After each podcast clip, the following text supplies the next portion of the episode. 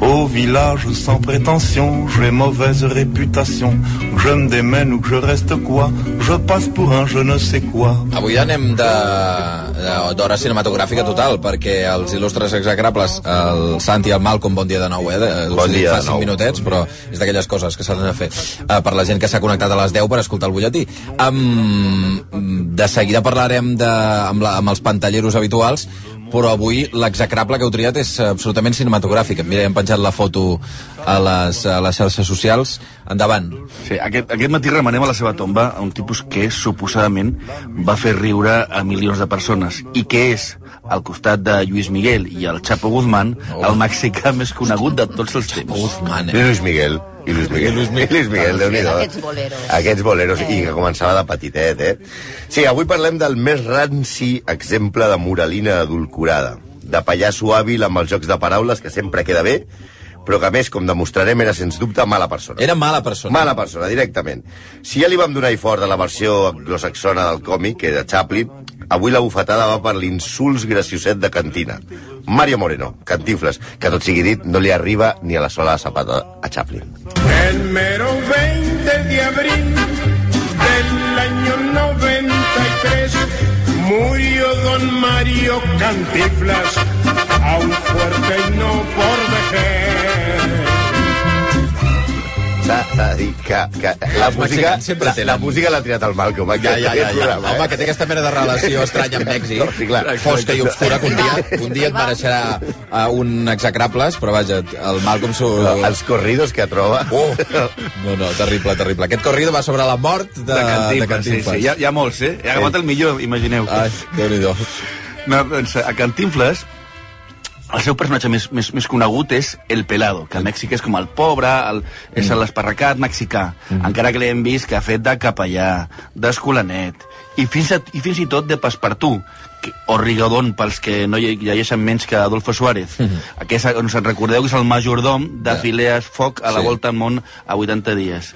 No, no, no es deia Willy, es deia Phileas. No es deia Willy, es deia Phileas Fogg. Sí, el mal que ha fet aquesta sèrie per la gent que diu no, sí, Willy Fogg, no, es deia Phileas. És veritat. Vale. Cantinfles jugava sempre aquest paper d'home sense recursos, però amb un cor d'or, eh, però sembla ser que tenia el cor més fosc que el futur de Rita Barberà. I la seva mateixa afició per acumular or. De fet, va rebutjar, imagineu-vos, sent un símbol nacional de Mèxic, va, ser, va rebutjar ser la imatge del Mundial de Mèxic 86 perquè no li van arribar a pagar prous diners i va ser denunciat aquella, més, més o menys aquella època per la Central Campesina Independiente com un dels més grans latifundistes de Mèxic. A més, segons l'escriptor cubà Guillermo Cabrera Infante, feia tot el possible per ocultar els seus orígens humils. Eh, en en els sopars i en els dinars el- els seus modals no eren els més correctes i ell tenia, estava molt, molt, molt afectat per això, no? I estava obsessionat amb equiparar-se als seus col·legues de Hollywood. Després de guanyar un Globus d'Or per la Volta al Món, la pel·lícula que va fer amb David Niven, el seu crit de guerra va ser México se me quedó chiquito. I va convèncer a George Sidney, el director, per fer una pel·lícula es deia Pepe, que va ser una pel·lícula en, en la que va convèncer per fer cameos a Jack Lemmon, Bing Crosby, no confondre amb Bill Cosby, la hora de l'acosador, i eh, Frank Sinatra o Dean Martin. va ser un fracàs absolut, la veritat. Perquè el seu humor d'aquest de joc de paraules no, no viatjava bé. I tot i que Cantinflas va, va perseverar i després va perpetrar l'oblidable sèrie aquesta animació que es deia El show de Cantinflas, va fer una versió amb Hanna-Barbera pels Estats Units. No va sortir bé. Era una sèrie de dibuixos animats que havia de servir per ensenyar història als nens, però no s'aguantava per enlloc a causa dels disbarats que deia. O sigui, la podia haver firmat Bert, tranquil·lament. Com a consol, li queda una estrella al passeig de la fama Ah, de té Hollywood. estrella, eh, Té Cantinflas. estrella, té estrella. Eh, també la té Julio Iglesias, eh? Oh, boníssim. I, I tu per quan? No, ja espera, esperant. espera aquesta Estàs nit. esperant que et Espera't truquin. aquesta nit. Hem fet la petició. No, i també, també això va ser padrí d'una de les bodes de, de Liz Taylor. Bueno, això no té massa mèrit perquè estadísticament ens podia tocar qualsevol. Si una boda de Liz Taylor, hi ha un moment que tu, a Xavi el trucaran per ser testimoni. No sé, tal. Jo crec que ja, Pam. la mitja humanitat ha assistit a una boda d'Elizabeth Taylor. Però anem al seriós, va. Eh, segons explica Jesús Gallegos, Cantinflas era estèril. Aquí no passa res, tothom ho és. Però el Tothom ho 1900... No, tothom no, hi ha molta gent que ho és i no, no, no és dolent. Però el que sí que és, és com ell va solventar la seva esterilitat. El 1959, una, mar, una nord-americana anomenada Marion Roberts és, uh, viu a México DF i té problemes econòmics, no pot pagar el compte d'un hotel a México DF. Mm -hmm. el, uh, el grum de l'hotel, el recepcionista, li diu vagi a veure el senyor Mario Moreno que le ayudará con el, a pagarle la cuenta.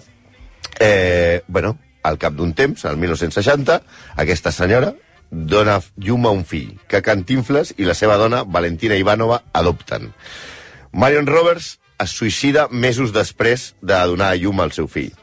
Encara que el seu amic, el periodista Jacobo Zabludowski, va mantenir sempre que el fill que va tenir Cantinfles era, era realment seu i que era fruit de la relació que va tenir amb Marion Roberts, molts del que el coneixien al còmic en aquella època expliquen, i hi ha testimonis del fet, que Cantinfles li va pagar a Marion Roberts 10.000 dòlars per comprar-li el nadó. Ostres. I, eh, I li va comprar a un estudi de Los Angeles, el va pujar en el seu avió privat i com ell tenia molt bones connexions amb el govern americà i mexicà, el nen no va passar per la duana i li va comprar. Aquí eh, va sortir il·legalment, per tant. Uh, aquí hi ha dues versions. Una, una part que és que realment era fill de Cantinfles, i, i, i és fill natural, cosa que després va reivindicar el nen per demanar l'herència, i la- i que era estèril. Sí, però eh, això li deia la seva dona. Mm. Ja, ja, ja, ja. Yo, cariño, no he sido. No, no es lo que parece. Sí, almenys el nen va tenir una infància en comoditats. Va viure amb el seu pare, que era un de les grans fortunes de Mèxic, amb una mansió de 10.000 metres quadrats al- mig del passeig de la Reforma de Mèxic, amb piscines, pistes de tennis, cinema... Fins i tot li va construir un cotxe a motor a mida del nen. Quan va morir Cantinfles, va heretar, ra- va heretar ranxos, oficines, cases i cotxes. Però avui està completament arruïnat. El seu cosí i les seves exesposes mantenen que s'ho va ficar pel nas. Un tros de nas aquest, Sí, eh? déu nhi Sí. Mario Moreno Ivanova, un home que anirà sortint, és el, Mhm. és el fill. El fill. Sí. Que, sempre presumia de, de divós que pels de l'ESO us explicarem que és generós i que és un home que fa bones accions. I efectivament donava grans sumes a obres benèfiques. En una entrevista amb, amb Guillermo Cabrera Infant una altra vegada, el còmic no volia que li parlessin del seu cinema, sinó només de les seves obres benèfiques. Cabrera, que també és un personatge, va parar l'entrevista i li va dir, per veure un farsant que va de sant, hagués anat a veure la Mare Teresa. Oh! Un record també a la Mare Sí, Teresa. sí, sí, sí, que hi ha... Conec- conec- Saps que encara, encara hi ha gent que pel carrer m'està dient escolta, aquell dia que vau parlar de la Mare Teresa, encara, quin, quin mite que em va caure. Sí, sí, increïble. La, la, la veritat Però li va dir això. Sí, sí, sí, sí, no, l'entrevista la- es pot trobar a Google, l'entrevista de Cabrera Infante a, a Cantinflas. Que bèstia. Però, però tot i que ell volia passar a la història com un gran home, un gran senyor, ric i generós, eh, Cabrera Infante mateix eh, explica que en una ocasió, anys abans eh, d'aquesta entrevista, una, una velleta captaire que, que estava donant calés al, al carrer perquè feia tres dies que no menjava i Cantinfles li va respondre, irònicament, i per què tan desganadita? Sí, perquè... Sa, o sigui, li va, se la va mirar i li va dir això. La va Sí, vacilar, sí. diguem. Suposo, suposo que ell li va trobar graciós el que és jo, trobo més graciós el Boe. Sí, sí. Per arrodonir el perfil d'aquest subjecte, era a més un mal company. El mínim que deien els, que- els actors que compartien escenari o compartien pel·lícules amb ell és que era mala persona, amb, en, entrecomillat. Per tenir més minuts i que no hi hagués un pla sense ell, allargava les improvisacions dels jocs de paraules i frases sense, sense sentit. Aquestes frases tan característiques... que ell- Morcilles. Sí, que, fent que ell va parlant aquesta, exacte, per, per venjar-se i robar-li el pla al company. Per cert que això és una tècnica que va copiar José Luis López Vázquez. Mm. Quan ell deia, senyora, senyora, sé que, que, que, que senyora... se-". Això era per, per com després eh, doblaven les pel·lícules els mateixos actors Sí. i cobraven per, per l'estona que estaven doblant. Ocupava més Sí, espai de diu. pantalla. Boníssim. eh, eh, Un truc per allargar. que tu per allargar i sortir més en pantalla. Sí, Fa Farnesio de Bernal, un actor que treballava amb Cantinfles, va dir que després de preparar la seva escena amb molt d'esforç, Cantinfles li robava les seves línies i fins i tot l'escena sencera. O sigui, feia tots els papers. ja, Exacte. gairebé. I com Cantinfles era qui era, si protestava estava fora del rodatge i, és clar del sou. També ajudava que Cantinfles era qui controlava el Sindicato Nacional de Actores. I això igual explica que Enrique Elizalde, que va disputar la presidència, estigués 20 anys sense rebre un paper. O sigui, a favor de màfia, s'ha de dir que com López Vázquez, López Vázquez a les rodatges jugava a l'ABC. ell arribava amb el diari i et cobrava 50 pessetes si tu volies llegir Sí el diari. Sí, sí, sí. Boníssim, sí, sí, això. Bueno, Cantinflas era un venut, també. O sigui, acceptava les consignes del PRI, el Partido Revolucionario Institucional, que és un, unes sigles meravelloses. O sigui, després de Partido Popular, Partido Revolucionario Institucional, Sí. és una cosa meravellosa. Partit que gairebé sempre ha estat en el sigui, és un a oxímoron en si mateix. És revolucionari i institucional. Les Magnífic. dues coses no pot ser. De la seva... Eh, aleshores, les, les, les consignes del PRI, eh, Cantinflas les incloia a les seves pel·lícules. No? De la, al principi de la seva carrera hi havia una certa crítica als poderosos i que ell com era el, el captaire, però al final va acabar fent les pel·lícules al dictat del poder. Per exemple, hi ha una pel·lícula que es diu El Barrendero, de 1981, en la, que qual pertení, en la qual eh, Cantinflas eh, fa de barrendero i desarma una vaga que s'havia de fer de, de, de neteja a Ciutat de México DF i fa que els barrenderos, veient la pel·lícula, no vagin a la vaga. Què dius? És que era molt poderós. Eh? Va ser també assessor del president eh, Gustavo Díaz Ordaz. No sé molt bé en què l'assessorava, potser com explicar un bon acudit o com fer un discurs incomprensible, no ho sé, la veritat. Però assessor moral no crec que fos. La qüestió és que en el sexeni, bueno, això pels de l'ESO vol dir, no té res a veure amb el sexe, són sis anys, en què va governar Díaz Ordaz i l'any eh, 1968 hi havia un enfrontament bestial entre activistes i estudiants. I la policia, fin, fi, juntament amb milícies dretanes, va fer 300 morts i 1.000 detinguts. Aleshores, Cantinfles va tenir una actitud indiferent, no va voler importunar el govern i va dir que només en total eren 300 morts. No Total. fem, no fem un gran No n'hi ha per tant, eh? Que aquest era el paper del... Li, li van demanar de, que es pronunciés sobre el tema i la matança de la plaça va, va quedar per Cantinflas. Mm, Gran assessor, eh? Pero lo peor de todo para nuestra nación son todos los amigos que tiene este cabrón. Con gringos y empresarios y el puro santurrón están en esta jaula chingando a la nación. Vinga, endavant. I Cantinflas, a més a més, a, a, encara després de mort, Sí, no, després de mort, eh, la família, evidentment, el senyor Mario Moreno Ivanova, s'han esparracat entre ells, entre ell i el seu, entre, entre el fill i el nebot. Perquè eh, hi han judicis, acusacions de robatori, falsificacions de contactes, una, un espectacle que ha avergonyit a tots els fans mexicans de, de, de Mario Moreno. Lo de Tita Cervera i el seu fill, perquè us feu una idea, és una, és una discussió a la Real Acadèmia. Eh? Aquí intervenen drogues, suïcidis, prostitució... Eh, perquè el fill de Mario, More, el Mario Moreno Ivanova, per exemple, el senyor aquest de l'Annàs, que s'ho Sí, sí, sí, tot pel nas, aquest, per exemple, explica que, que ell, el, seu net, el, seu, el fill de Mario Moreno és a dir, el net de Cantinfles, Sí. explica que el seu pare als 13 anys el portava a prostíbuls i ja li donava cocaïna. això, o sigui, Això el, el, el, net de el net de. Cantinfles. Sí.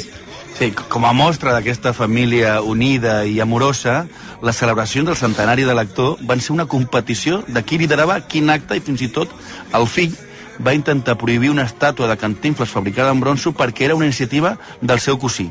Coneixent el fill, potser volia fondre per, per, per, per fer-te un secte nasal Sí, nou. exacte. Lo que yo decía, señor juez, ahí está el detalle. Como yo dije, qué casualidad, por un perro que a lo mejor era gato y este lo traía, y ahora de que no y que sí, que a lo mejor ahora ya llegó, pues total, yo creo, ¿no?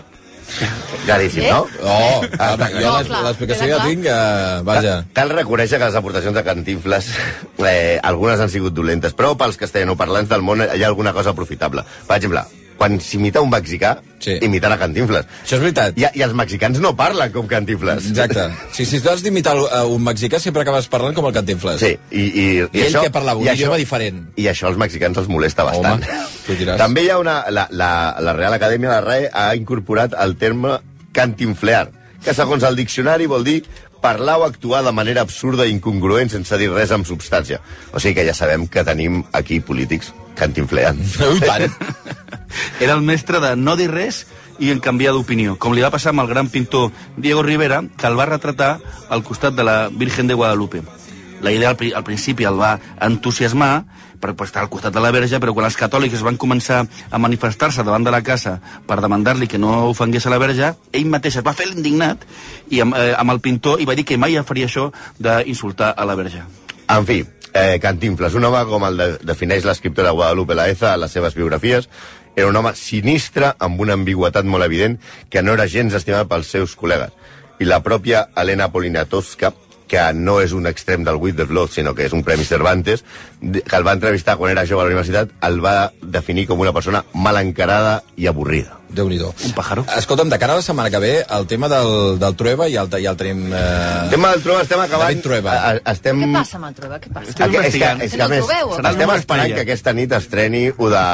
El Jorge Sanz. Ho del Jorge Sanz. Ah. I aleshores quan començarem a, a investigar en sèrio. D'acord. Però en tot cas, mentre encara no vengui els execrables del Trueba, què fareu? L'any que ve en farem tots. L'any- l'any que ve no. no. Que no, que la setmana que ve no hi ha, no que fora, és no? perquè esteu a ara, ara ho explicarem. Fa- Farem Tolstoi. Molt bé, perfecte. Les uh, 10 i 20 minuts, gràcies. Eh? Adéu, bon tornem. dia.